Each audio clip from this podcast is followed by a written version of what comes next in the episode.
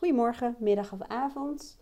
Op verzoek van een uh, klant van mij maak ik een podcast over scheiden, uit elkaar gaan en uh, wat je dan allemaal tegen kunt komen. Daarbij deel ik mijn eigen ervaringen. Ik ben twee keer, uh, of twee keer heb ik een relatie verbroken, om het zo te zeggen. Um, en ik deel wat ervaringen van klanten uit mijn praktijk. En ik weet dat ik destijds, vooral toen ik wegging bij de vader van mijn dochter. Uh, ik ben overigens nooit getrouwd geweest. Um, ja, tastte ik best wel in het duister. Van waar loop ik tegenaan? Wat kan ik tegenkomen? Uh, hoe kom ik straks terecht? Dat soort vragen. En ik merk dat veel mensen, mannen en vrouwen in mijn praktijk, um, dat soort vragen hebben. En op het moment dat je um, ofwel nog aan het oriënteren bent van zal ik wel of niet weggaan? Of moeten we wel of niet uh, investeren om nog door te gaan? En, uh, maar ook al verder, als je besloten hebt dat je de relatie wilt verbreken, maar dat alles daarna is vaak één grote onoverzichtelijke brei. Wat uh, bij heel veel mensen leidt tot onzekerheid, stress, slapeloze nachten, schuldgevoel, al dat soort dingen. En ik dacht, misschien is het um, is interessant om hier een podcast over op te nemen. En ik doe het gewoon uh, zonder voorbereiding. Dus ik put uit mijn ervaring van mezelf en ik put uit mijn ervaring van mijn klanten. En ik zal um, af en toe ook met zorg praten over uh, nou ja, mijn ex-vader van mijn dochter. Ook al zaten we zacht, op zijn zachtst gezegd absoluut niet op één lijn. En het geldt natuurlijk ook dat als ik over ervaringen van mijn klanten praat, dat ik ook altijd goed bewust spreek, zodat ik um, nou ja, zorg dat het niet herleidbaar is. En uh, ik zeg dat wel vaker, dus af en toe zul je even een pauze horen of dat ik even naar woorden zoek. En dat is dus om het nou, zo zorgvuldig mogelijk te doen. Nou, even kijken. Ik was, um, ik moet even denken hoor, mijn dochter was uh, 8, die is nu 24. Uh, toen ging ik naar zeven jaar in een, um, ja, hoe zou ik dat netjes zeggen? En nogal, ja, hoe zou ik dat nou zeggen? Um, hoe zou ik dat nou netjes zeggen? Uh, nou, laat ik maar toch maar gewoon uh, de woorden gebruiken die er wel bij horen. Ik zat in een relatie die uh, best heel gewelddadig was. In woord en, en met handen, zullen we maar zeggen. En um, die relatie was behoorlijk gebaseerd op angst. Angst voor nog ergere dingen. Als ik de relatie zou verbreken. En dat kwam ook omdat dat ook zo uitgesproken was. Nou, dat is even ongeveer het meest heftige wat ik hierover wil zeggen. Um, ik ben op een gegeven moment, uh, toen ik wist, ik moet hier echt, ik moet echt, echt uit deze relatie met mijn dochter. Want dat is voor haar niet goed, voor mij niet goed. En ik was hartstikke jong, want ik was uh, 18 toen ik Lisa kreeg. En uh, haar vader was uh, zeven jaar ouder. En die was dus toen al, even kijken, hoe oud was die toen? Even kijken, 26, 27 zeg maar. En um, nou ja, hij was verbaal wat dat betreft ook toen veel sterker. Ik was wat dat betreft nog hartstikke uh, jong en eigenlijk nog gewoon een meisje. En um, nou goed, ik wilde toch een, uh, een uh, kans geven om een gezinnetje te vormen. En dat was natuurlijk ook wel mijn, ja, mijn wens. Ook al had ik haar alleen gekregen, zeg maar, en was hij niet betrokken. En toen kwam ik in een, uh, ja, in een relatie terecht. En daar zal ik niet te veel details over delen. Maar um, ja, laten we maar op zeggen dat wij heel andere uh, waarden hebben. Uh, over het ouderschap, over kinderen opvoeden, over gezinssituatie. En ik wist eigenlijk al wel vanaf het begin dat deze relatie niet goed voor mij was en mijn dochter. Maar ik was bang om eruit te stappen voor de gevolgen. Wat ik op een gegeven moment heb gedaan, want ik werd natuurlijk ouder. En... Um, ja, uh, hoe ouder je wordt, hoe meer ervaring je krijgt. En op een gegeven moment uh, ja, ben ik al zo vaak mijn angstscenario's uit gaan werken. En ben ik eigenlijk gewoon kansberekeningen gaan doen. En dat bruggetje wil ik ook even gebruiken ten aanzien van de kansberekeningen. Um, ik ben toen op een gegeven moment een jaar lang heb ik op een FIFA-forum gezeten. Weet je wel, van dat uh, tijdschrift voor vrouwen. En ik heb daar een um, forum bezocht van vrouwen die al veel verder waren dan ik in het proces. En um, ook vrouwen die in een relatie zaten die uh, nou ja, niet zo goed voor ze was, zullen we maar zeggen. En waar wat dreiging in zat van als ze weg zouden gaan. Dus ik heb een jaar lang daarin gezeten. Ik heb verhalen gevolgd. Ik heb met vrouwen gesproken of gechat dan uh, bijna. hoe noem je dat in zo'n forum? En ik heb op basis daarvan gewoon een soort van kansberekening gedaan. En, en gewoon gekeken van hoeveel van mijn angsten zijn rationeel en welke zijn um, irrationeel. En wat kan ik hiervoor organiseren? Ehm, wat kan ik het beste doen? Hoe zit het met mijn sociale vangnet en dat soort zaken? En zo heb ik uh, dat voorbereid. En um, toen ik de relatie beëindigde, heb ik nog uh, echt anderhalf jaar hebben we om elkaar heen gedraaid in hetzelfde huis. Ik bij mijn vader, hij op een gegeven moment bij mijn vader. hij op een gegeven moment ergens anders, hij weer in het huis. Echt ik kan het allemaal niet meer, ik uh, kan het wel navertellen, maar dan wordt het wel een hele lange podcast. Maar um, over um, beren op de weg gesproken. Want natuurlijk, bijna elke klant die uh, ik spreek over een scheiding of uit elkaar gaan en uh, nou ja, twijfels of wat dan ook, die zeggen: ja, waar kom ik daarna terecht en waar kom ik in terecht? En mijn scenario was ook wel meteen een scenario um, die in de categorie neerzet uh, worst case scenario's, zullen we maar zeggen. En ik wil zeggen, ik heb het ook overleefd. En het was het waard. En ik heb echt momenten gehad dat ik, ja, ik, ik ging van het ene huis naar het andere eigenlijk. En ja, het was allemaal heel ingewikkeld. En er waren gewoon momenten dat ik op een gegeven moment uh, in de auto zat en ergens een kopje koffie of zo had gehaald en een tijdschrift. En dat ik me zo ultiem gelukkig voelde met dat momentje voor mezelf. Want er zijn heel veel mensen in je omgeving die uh, het uh, verschrikkelijk goed weten hoe je het allemaal aan moet pakken. En die heel veel adviezen geven en zeggen wat je allemaal zou moeten doen en wat je allemaal niet zou moeten doen. En um, ja, ik, soms had ik daar gewoon even helemaal geen zin in. Had ik gewoon rust nodig. Dus uh, dat zul je misschien wel herkennen. En iedereen heeft gewoon goede bedoelingen, maar zij staan niet waar jij staat. En vanaf de zijlijn is het vaak toch wat makkelijker om tot oplossingen te komen als dat je er meer in zit. Dus um, we hebben nog anderhalf jaar om elkaar heen gedwarreld. En um, ik had op een gegeven moment een huurhuis. Uh, want dat dacht ik ook van, mijn god, hoe kom ik aan een huis? Want de wachttijd voor huizen in Apeldoorn was destijds volgens mij vijf tot acht jaar. En ik kreeg geen urgentie. En um, ik zat qua salaris ook eigenlijk net in zo'n tussen wal en schip. Uh, ik verdiende net iets te veel voor dit en te weinig voor dit. En uh, op papier ja, was het eigenlijk zo dat ik gewoon geen recht had op een woning en al die jaren maar op de een of andere manier door moest komen. Ze zeiden ook bij de woningbouwvereniging, of uh, nou, hoe heet het tegenwoordig, van ja, maar ja goed, je hebt familie waar je terecht kunt. En ik vond het best wel heel frustrerend, uh, want ik had natuurlijk wel een klein kind en uh, geen urgentie. Maar dat wil ik je ook meegeven. Heel veel mensen die hebben zorgen over waar kom ik terecht, krijg ik van een huis. En ik kan je vertellen dat in de meeste gevallen, tenminste de mensen bij mij in de praktijk en ik zelf ook, op de een of andere manier komt er toch een oplossing en die komt ook vaak uit onverwachte hoek. Je wordt ook heel creatief met um, oplossingen en oplossingsrichtingen. En uiteindelijk um, uh, ben ik in de particuliere sector gaan kijken. Alleen daar verdien ik dan weer te weinig voor niet voor een, bepaald, uh, ja, bepaalde categorie, zeg maar, maar er waren weinig huizen in uh, te krijgen.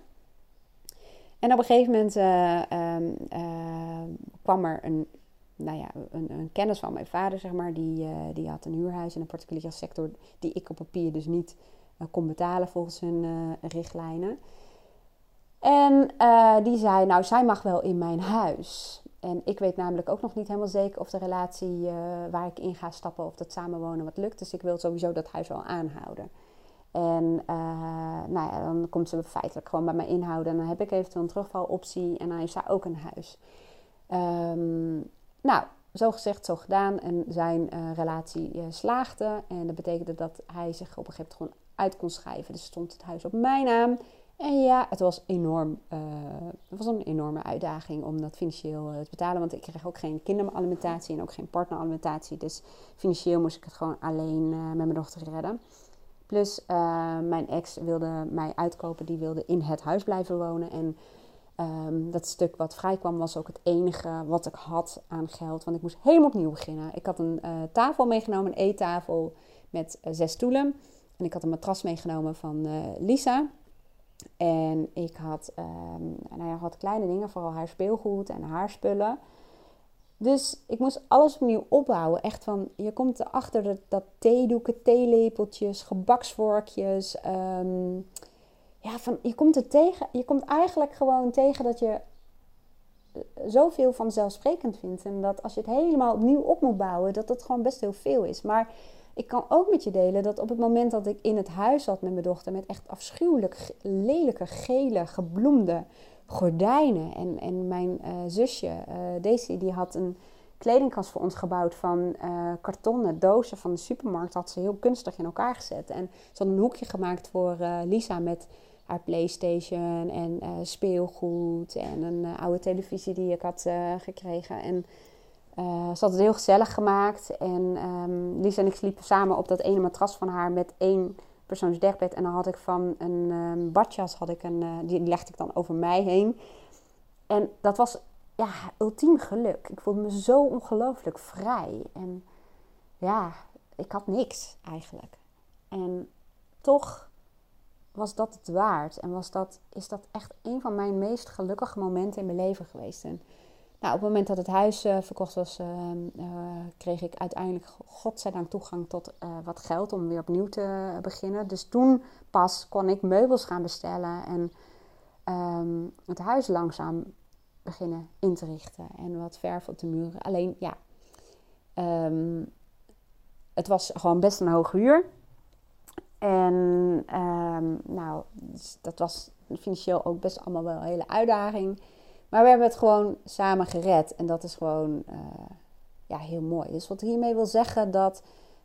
Ik merk ook, ik heb wel meer een vrouw bijvoorbeeld die uh, zei ook... Maar waar uh, ga ik wonen? En ik kom nergens voor een aanmerking. En dan kom ik op een... Dit is wat mensen telkens zeggen. Een flatje drie hoog. En sommigen zeggen vier hoog. Maakt niet uit. Maar, um, en ze heeft ook nog een eigen bedrijf aan huis. En uiteindelijk heeft ze waarschijnlijk een constructie bedacht waarin uh, ze uh, geld kan lenen en een stukje hypotheek krijgt en uiteindelijk toch in dat huis kan blijven wonen.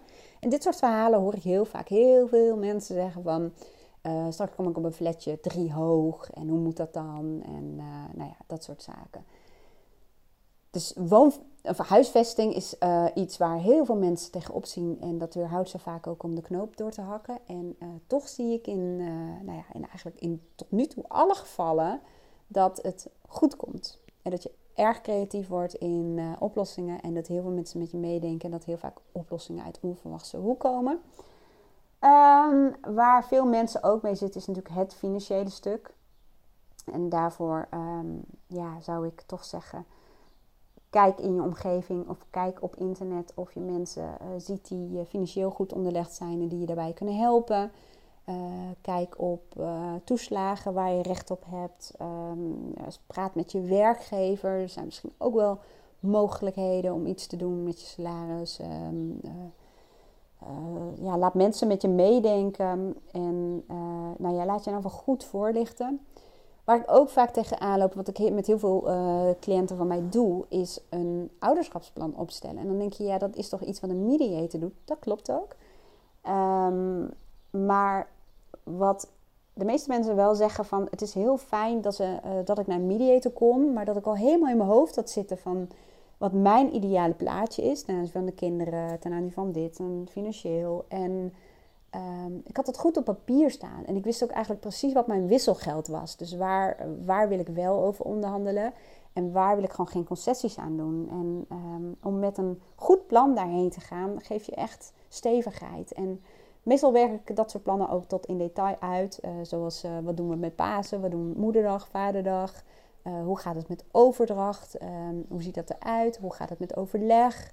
Um, hoe wil je omgaan met dit? Wat voor contactmomenten zijn in de vakantie? En door dat al te doen, door scenario's uit te werken van hoe ziet het eruit als je straks uit elkaar bent. En om verschillende scenario's neer te leggen en om daar letterlijk en figuurlijk beelden bij te bedenken. Dus zie voor je hoe dat er dan uitziet, hoe je dat hebt georganiseerd. Um, weet je straks ook waaruit je kunt kiezen. En maakt het een beslissing wel een stuk makkelijker als je nou ja, een aantal scenario's echt helemaal uitgewerkt hebt. Financieel, maar ook praktisch, maar ook emotioneel. En zie het zo goed mogelijk voor, voor je. En spreek ook mensen die ervaring hebben en die al verder zijn dan jij. En vraag ze waar ze tegenaan liepen. Waar ik zelf tegenaan liep en waar heel veel vrouwen vooral tegenaan uh, lopen, is toch wel schuldgevoel. Uh, ik merk dat in veel van de gevallen uh, de vrouw het initiatief neemt om een relatie te verbreken. En um, nou, bijna elke vrouw die ik hier spreek, die worstelt enorm met schuldgevoelens en verantwoordelijkheidsgevoel en het gevoel dat ze haar gezin kapot maakt. Of dat zij degene is die hiervoor kiest en het hele gezin daarin meegetrokken wordt. En hoe gaat het met de kinderen? En uh, gaat mijn man zo meteen de kinderen niet tegen me opzetten? En kan ik dit wel maken? Moet ik niet toch blijven investeren? Moet ik niet toch mijn best doen om er wat van te maken? Dit soort um, ja, emotionele uh, drijfveren kom ik heel veel tegen bij vrouwen. Dat schuldgevoel, verantwoordelijkheidsgevoel en het zo ongelooflijk moeilijk vinden om voor zichzelf te kiezen. En uh, ja, de kinderen, dat is iets wat ik gewoon heel veel hoor bij vrouwen. En wat ik dan bij mannen vaak tegenkom, is dat ze zo bang zijn dat ze hun kinderen niet genoeg te bieden hebben na de scheiding. En hoe zit het dan uh, financieel? En, en waar komen ze dan te wonen? En zie ik mijn kinderen dan nog wel? En hoe zit het dan met werk? En ja, dus ja, ik zal niet ik vind het altijd een beetje naar om te beweren dat er allemaal van die verschillen tussen man en vrouwen zijn. Maar goed, ik denk ook dat we er gewoon niet onderuit komen dat dat gewoon ook vaak zo is. En dat ik wel een rode draad zie in de vraagstukken waar mannen en vrouwen mee worstelen. En um, nou, ik zie ook vaak dat vrouwen inderdaad initiatief nemen en dat de man het niet wil. Wat ik ook heel vaak zie, echt enorm vaak eigenlijk, dat is vaak ook de man neemt vaak initiatief voor relatiecoaching omdat de vrouw heeft gezegd: Ik wil het gewoon niet meer. Ik zie het niet meer zitten. En uh, vaak is er ook een verliefdheid uh, uh, in het spel, wat vrouwen ook vaak heel erg moeilijk vinden. Aan de ene kant um, genieten ze ervan en krijgen ze ja, aandacht en, en waardering. En hebben ze goede gesprekken en voelen ze van alles wat ze al jaren niet meer hadden gevoeld. worden ze eigenlijk gewoon een soort van wakker gekust en voelen ze dat ze in één keer weer leven. En aan de andere kant vinden ze ja, gewoon enorm moeilijk, um, ja, bijna ethisch gezien. Van dit, dit hoort niet, dit kan niet. En, maar ik voel het toch, hoe ga ik hier nou mee om? En uh, is dit niet egoïstisch? En ja, dat vooral, vrouwen vinden het vaak ook egoïstisch. wat moet ik hier nu mee? En um, nou, soms komt dat uit bij de man, soms vertelt een vrouw het en soms is er geen verliefdheid in het spel, maar weet ze wel van ik wil gewoon weg, dit is gewoon niet meer wat ik wil. En dan ineens gaat de man heel veel moeite doen om in één keer alles te doen uh, wat die vrouw wil. En dat is verwarrend. Dat zie ik bij mijn cliënten ook, van dat ze zeggen, hoe kan het? Ik heb jaren uh, dingen aangegeven, soms duidelijk, soms in hints, want er zijn vrouwen over het algemeen gewoon best wel goed in hints geven. Um, vooral hints die, die mannen niet snappen. Maar ze zegt, ja, ik heb zo lang gezegd van ik alles alleen moet doen. En dat ik hier tegenaan loop en daar tegenaan loop. En dat ik me emotioneel niet verbonden voel. En ja, dat we meer uh, broer en zus zijn. Of nou ja, dat soort zaken. En in één keer als de vrouw toch de stekker eruit wil trekken. Dan in één keer, ja, is natuurlijk urgentie. Daar lopen ook heel veel vrouwen uh, tegenaan van, ja, ik nu doet hij alles wat ik wil, maar ik voel het gewoon niet meer. En sterker nog, ik hoor heel veel vrouwen vertellen dat ze zelfs afkeer voelen, weerstand. En dat is ook een worsteling van hij doet alles, ik zou dat toch moeten voelen. En ik zou willen dat ik dat weer zou voelen, maar het komt niet. Ik voel zelfs afkeer en weerstand. En snap je dat het best wel allemaal heel erg ingewikkeld en complex is. En vooral als er kinderen, um, ja, als er kinderen, uh, hoe zeg je dat, uh, aan de orde zijn, wil ik zeggen. Maar je snapt wel als er kinderen bij betrokken zijn. Dat woord zocht ik. Nou, hoe je daarmee om kan gaan. Ik doe meestal voice dialogue sessies. Dat betekent dat ik letterlijk en figuurlijk de verschillende kanten aan het woord laat. Om wat helderheid in het hoofd te krijgen. Dat kun je zelf ook doen. Je kunt zelf al heel veel doen met die scenario's. Wat soms heel goed kan werken is bijvoorbeeld, stel je hebt drie scenario's. Pak dan drie stoelen en leg op elke stoel uh, een scenario neer. En op het moment dat je op die stoel gaat zitten, probeer je dat scenario helemaal voor te stellen. Probeer het voor te stellen. En schrijf dan de voordelen op van het scenario, de nadelen van het scenario. Maar schrijf ook het gelukscijfer op. Dus gewoon wat intuïtief in je opkomt, geef het een cijfer. En vervolgens neem je even afstand van de stoel.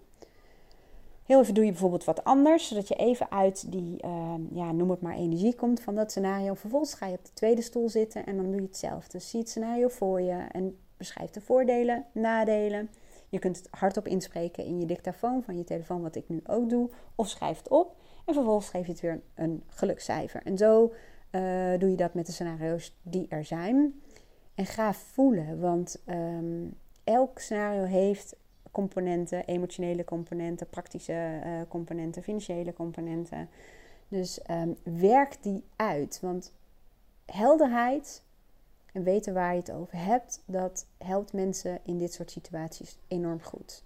En natuurlijk kan ik je erbij helpen, maar je kunt zelf ook best wel heel veel doen. En um, werk scenario's uit. En um, ook voor moeders, maar ook voor vaders, die hebben vaak beelden bij het is slecht voor de kinderen. Dat is natuurlijk best wel een lastige vraag om te beantwoorden. Want wat is slecht? Hè? En is het slecht om te gaan en een nieuw leven op te bouwen?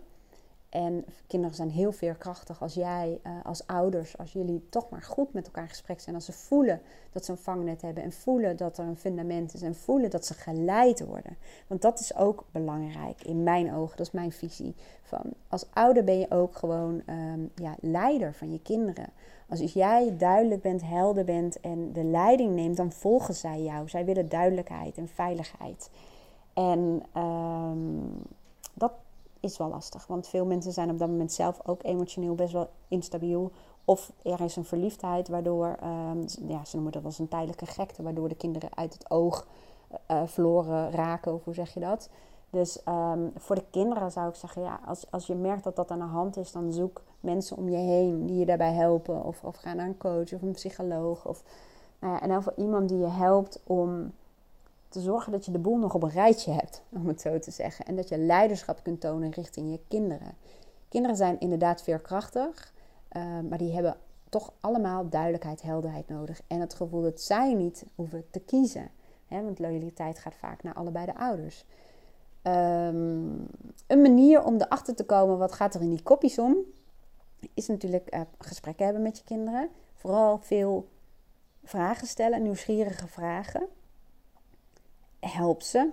Gaat niet voor ze invullen. Um, blijf ook een beetje weg van gesloten vragen, want dat zijn vaak, vaak suggestieve vragen.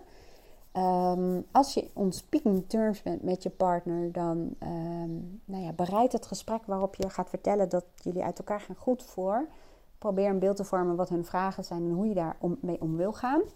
Ook met, nou, dit zijn gewoon dingen die. Uh, ik, ik snap dat jullie daarover vragen hebben, maar uh, dit, is, dit zijn onze zorgen. Dat is iets wat wij op gaan lossen voor jullie. En daar hoeven jullie niet mee bezig te zijn. Dus geef ze, stel ze ook gerust. Maar stel ook vragen aan de kinderen. Um, ga in gesprek van wat zijn dingen waar jullie aan denken. Of als, als, als je hoort dat we uit elkaar gaan, hè, wat, wat, uh, wat voor beelden heb je daar dan bij? Of wat zien jullie dan voor je? En waar, ja, waar heb je dan Waar ben je dan bang voor? Of um, uh, nou ja, wat voor uh, voorbeelden heb je in je omgeving? En stel ze gewoon ook vragen. Ga letterlijk en figuurlijk met ze in gesprek om erachter te komen wat in die kopjes omgaat. En een hulpmiddel erbij is bijvoorbeeld om naar Villa Pinedo te gaan. Dat is een website, een organisatie waar mensen zijn betrokken die uh, nu volwassen zijn, maar zelf ook uit een scheidingssituatie komen.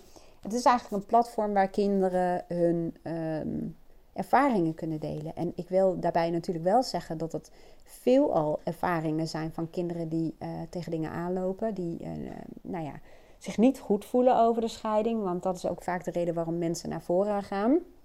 Dus weet dat uh, dat wel een beeld geeft, maar vaak wel een beeld van kinderen waar ze mee worstelen. En als het goed gaat, zie je natuurlijk niet iedereen weer terug op internet om dat te delen. Dus weet dat dat wel het geval is. Maar er staan veel praktijkvoorbeelden in. Um, dus dan krijg je een beeld van wat gaat om in het hoofd van de kinderen. En um, ja, hoe gaat dat met co-ouderschap? Hoe ervaren kinderen dat? En welke vormen zijn bijvoorbeeld daarvan mogelijk? En nou ja, dat soort zaken. En hoe gaan kinderen om met uh, ja, verliefdheid van de ouders? Want dat is natuurlijk ook best heel verwarrend.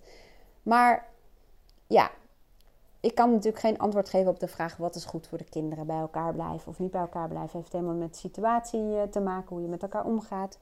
Um, ook dat gaat over leiderschap. Jij bent in je gedrag en in je, uh, hoe je met je gevoel, je emoties omgaat en hoe jullie met elkaar omgaan, zijn jullie rolmodellen. Dus bij elkaar blijven kan in die zin ook negatief zijn, omdat non-verbaal um, kunnen de kinderen natuurlijk meekrijgen hoe een relatie eruit ziet volgens jullie. Dus jullie zijn daarin gewoon het rolmodel. Dus als jullie een modus vinden om als ouders met elkaar om te gaan, maar uh, er is weinig liefde, weinig betrokkenheid en jullie gaan jullie eigen weg, weet dan wel dat dat wel het plaatje is wat je neerzet naar je kinderen over relaties. En um, dat geldt natuurlijk ook als je uit elkaar gaat en dat heel moeilijk vindt en dat ook deelt, uh, maar wel weer uh, de boel opbouwt. Wat voor voorbeeld geef je daarin? Wat zou je zelf willen als je kinderen een stuk ouder zijn, ze zijn volwassen en ze zitten in een relatie waar ze echt niet meer gelukkig zijn? Wat zou je dan wensen voor, je, voor ze? Ook als de kinderen bij betrokken zijn. Wat wens je voor je eigen kinderen? En dat is iets waar je nu een keuze in uh, maakt eigenlijk. Dus als je uit elkaar gaat en dat zo goed mogelijk met elkaar regelt en je verdriet ook laat zien, laat zien hoe je daarmee omgaat en dat het niet een um, ja, goed-slecht situatie is dat je um, voor je geluk kan kiezen, maar ook heel veel verdriet kan hebben over uh, dat jullie dat samen niet voor elkaar hebben gekregen. Dat klinkt trouwens nogal als een oordeel niet voor elkaar hebben gekregen. Vaak is het gewoon zo dat je uh, niet meer matcht met elkaar. Met alle goede bedoelingen van dien. Dus dat je laat zien dat je ja, toch kiest voor het geluk en ondertussen voor een zo goed mogelijke regeling en organisatie om het goed te doen voor de kinderen. Dus ga ook na van wat zou je je eigen kinderen wensen als die in zo'n situatie zitten als jij. En jij bent dan een stuk ouder en jij zou, ze komen bij jou voor advies. Wat zou je ze willen adviseren? En dat is wat je nu ook gaat doen. Zij zullen veel dingen van jullie kopiëren. En als jullie in een relatie blijven zitten waar je niet gelukkig bent. En misschien zitten katten en te snauwen op elkaar. Of um, uh, je verdriet af en toe uh, opkropt en uit. Of um, andere manieren zoekt om ermee om te gaan. Of afstandelijk bent. Dan is dat wel een soort van blauwdruk van relaties voor je kinderen. Dus, dus ja, het is nogal moeilijk om te zeggen wat is goed en slecht. Ook hier zitten verschillende kanten aan. En um, ik heb het over kanten, dus letterlijk en figuurlijk. Onderzoek ik ook samen met mijn klanten die, die kanten van ja, hoe sta je erin? En wat is het meest belangrijk voor jou? En uh, hoe zorg je dat daar een keuze uitkomt rollen die goed voor je is? Maar heel vaak spreek ik op een gegeven moment vooral um, bij mensen die de beslissing gaan nemen of niet, dus die het initiatief willen tonen, hun nou ja, gezonde egoïstkant, om het zo te zeggen. En daar bedoel ik mee de kant die zich heel goed bewust is van de behoeften en de belangen van een ander. Maar die weet dat ehm, als je primair eerst goed voor jezelf zorgt, dan ben je een beter mens voor je omgeving en zeker ook voor je kinderen. En als je je eigen gezonde egoïst zou spreken, dus probeer dat maar eens, hoe kijkt die dan naar de situatie? En vaak als ik die spreek, zullen we maar zeggen bij mensen, dan zeggen ze: Ik weet wel wat ik wil. Ik weet dat ik wil gaan. En ik weet dat ik maar. Ik loop hier tegenaan en ik weet dat dat het beste is voor mij en voor de kinderen. En um, nou ja, dat geeft helderheid. Inmiddels is het best wel een lange podcast geworden, omdat het is gewoon een uh, complex onderwerp. Dat realiseer ik me. Ik heb twee keer meegemaakt. Ik ben, daarna ben ik um, vier jaar samen geweest uh, met een andere man. En uh, die, was, nou ja, die had al veel meer vaderschapsvaardigheden, um, zullen we maar zeggen. Um, alleen ik voelde wel wij zijn eigenlijk geen match. En uh, ik had toch ergens was ik heel erg gevallen voor het idee van een gezin. En we hadden notabene net een huis gekocht en ik voelde aan alles dat ik weg wilde bij hem. En dat wij niet geschikt meer waren voor elkaar. En jeetje, ik dacht, wow, wat voor voorbeeld ga ik mijn dochter dan geven?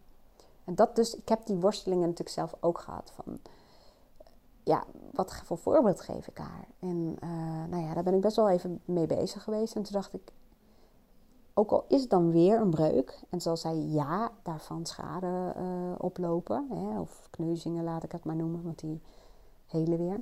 Ik laat haar wel zien, ik ga niet meer zo lang als eerder in een slechte relatie zitten. Een relatie die niet goed is, voor niemand niet.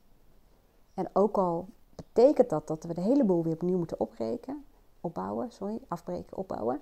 En ook al betekent het dat we een moeilijke, uh, rommelige periode ingaan, ik kies toch voor de lange termijn en voor het geluk. En het is ook een stukje dapperheid, denk ik dan maar. Dus ja, dus ik heb er wel voor gekozen. Gelukkig ben ik dolblij mee. En ja, ik heb nu tien jaar een, een, nieuwe relatie. En natuurlijk, dat zijn ook dingen van, ja, wat voor voorbeeld geef ik mijn kind? En hoe is dat van mijn dochter? En elke keer sta je eigenlijk weer, ja, met nieuwe vraagstukken. En komt het antwoord wel. De weg ontvouwt zich. Dat wil ik je ook nog meegeven. Het lijkt misschien één grote onoverzichtelijke braai van stappen en emotionele dingen en noem het allemaal maar op. Maar geloof me, als je de richting bepaalt waar je heen wil en gaat lopen, first things first, first things first. Dus geef continu antwoord op de vragen: wat weet ik al wel? En zet die stappen. Ben ermee bezig, elke dag, maar het liefst, uh, ja, ik zou zeggen, blok een tijd waarop je van jezelf uh, bezig mag zijn of moet zijn met je beslissing. En um, doe dingen in die tijd en probeer daarna ook uh, je te richten op andere dingen. Dan blijft het overzichtelijk, ben je niet de hele dag en nacht ermee bezig. Dus dat is ook echt wel een tip om tijd te blokken per dag waarin je bezig bent met stappen zetten of dingen uitzoeken, onderzoeken, mensen spreken, uh, noem het allemaal maar op. En vervolgens richt je op andere dingen. Want um, dat betekent dat je daardoor beter op beide benen blijft staan, meer energie overhoudt, meer helderheid in je hoofd hebt. En um, ik zei first things first, de weg ontvouwt zich continu. Wat ik een mooie metafoor uh, vind en waar ik mee af wil sluiten, is dat um, als je in het donker met de auto rijdt, uh, dan ben je ook niet zo bang dat je de hele weg niet kan zien, omdat je weet dat de koplampen ongeveer 60 meter vooruit schijnen. Dus je stapt in de auto en elke keer um, dan vertrouw je erop dat je weer 60 meter vooruit kan kijken. En door dat elke keer te doen, kom je uiteindelijk bij je eindpunt uit. En dat is met dit soort situaties ook zo. Zorg dat je bij wijze van spreken 60 meter vooruit kunt kijken en identificeer wat je al wel weet en wat je al wel kunt doen. En vertrouw erop dat de volgende 60 meter daarna wel weer zichtbaar wordt. En dan wordt het allemaal een stuk behapbaarder. Nou, ik hoop dat je hier iets aan had. Ik wil je in ieder geval uh, danken voor het luisteren. En ik hoop je gauw weer terug te zien of te horen, moet ik eigenlijk zeggen, bij de volgende podcast. En ik wens je voor nu een hele fijne dag. Nog even een aanvulling op de podcast over scheiden of uit elkaar gaan. Wat ook goed helpt, en ik ben nu even aan het lopen omdat ik zo meteen een afspraak heb.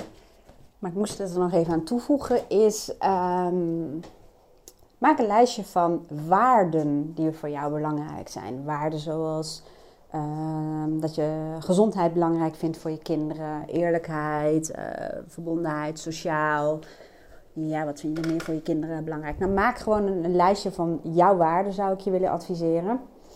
En um, probeer ook voor je te zien wat je belangrijk vindt voor de kinderen. Hoe je wilt dat ze opgroeien, hoe je wilt dat ze straks volwassen zijn. Hoe ze door deze scheiding. Uh, sorry, je moet heel veel raam dicht doen als je niet erg vindt. En anders dan, ja, je kunt nu niet zeggen dat je het erg vindt.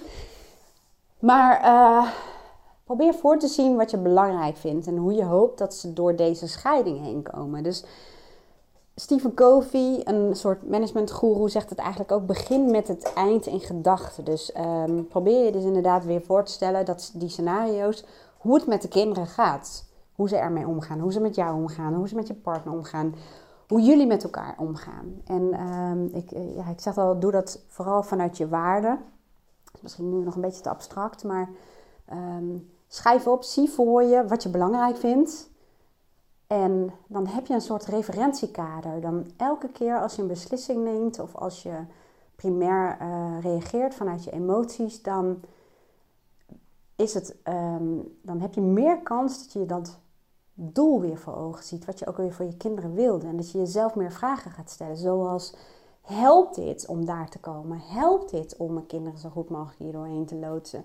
Draagt dit bij? Of wat zou wel bijdragen om te zorgen dat we daar komen? En vanuit mijn eigen ervaring kan ik zeggen dat een van de belangrijkste dingen is dat je op de een of andere manier toch samen een plan maakt en met elkaar deelt hoe je het ouderschap voort wil zetten als gescheiden ouders. En hoe jullie beelden zijn over wat goed is voor de kinderen. En als je dat samen bespreekt bij de mediator en daar uh, een plan van maakt, dat op papier zet, dan kun je elkaar, hoe moeilijk dat soms ook is, eraan herinneren. En dan heb je een plan, want een plan geeft richting. En een plan helpt je ook om in crisissituaties uh, te weten waar je naartoe wil werken. En te onderscheid te maken tussen een goede beslissing en een slechte beslissing. En slecht gedrag, om het even heel cru te zeggen, en goed gedrag. Dus ja, als het iets is wat ik nog mee wil geven, is het um, absoluut dat. Voor de kinderen. ik weet dat mijn dochter heeft uh, behoorlijk wat schade opgelopen. Uh, in de zin, uh, nou ja, moet ik dat nou zeggen? Ik, ik dat haar vader niet echt vaderschaps... Nou, hij keek er anders aan, tegenaan, zullen we maar zeggen. En die was er wel en soms niet in haar leven. En um, nou ja, daar is best wel wat schade door opgelopen. En het is mij ook niet gelukt om samen met hem op één, um, ja, moet ik zeggen, op dezelfde golflengte te komen. Dat is gewoon falikant mislukt, ondanks al mijn pogingen. Uh, daarom zeg ik het ook, daarom strijd ik hier bijna voor. Van ja, ik, ik, ik, ja, het is mij helaas niet gelukt. En uh, misschien was dat ook te naïef om te denken van...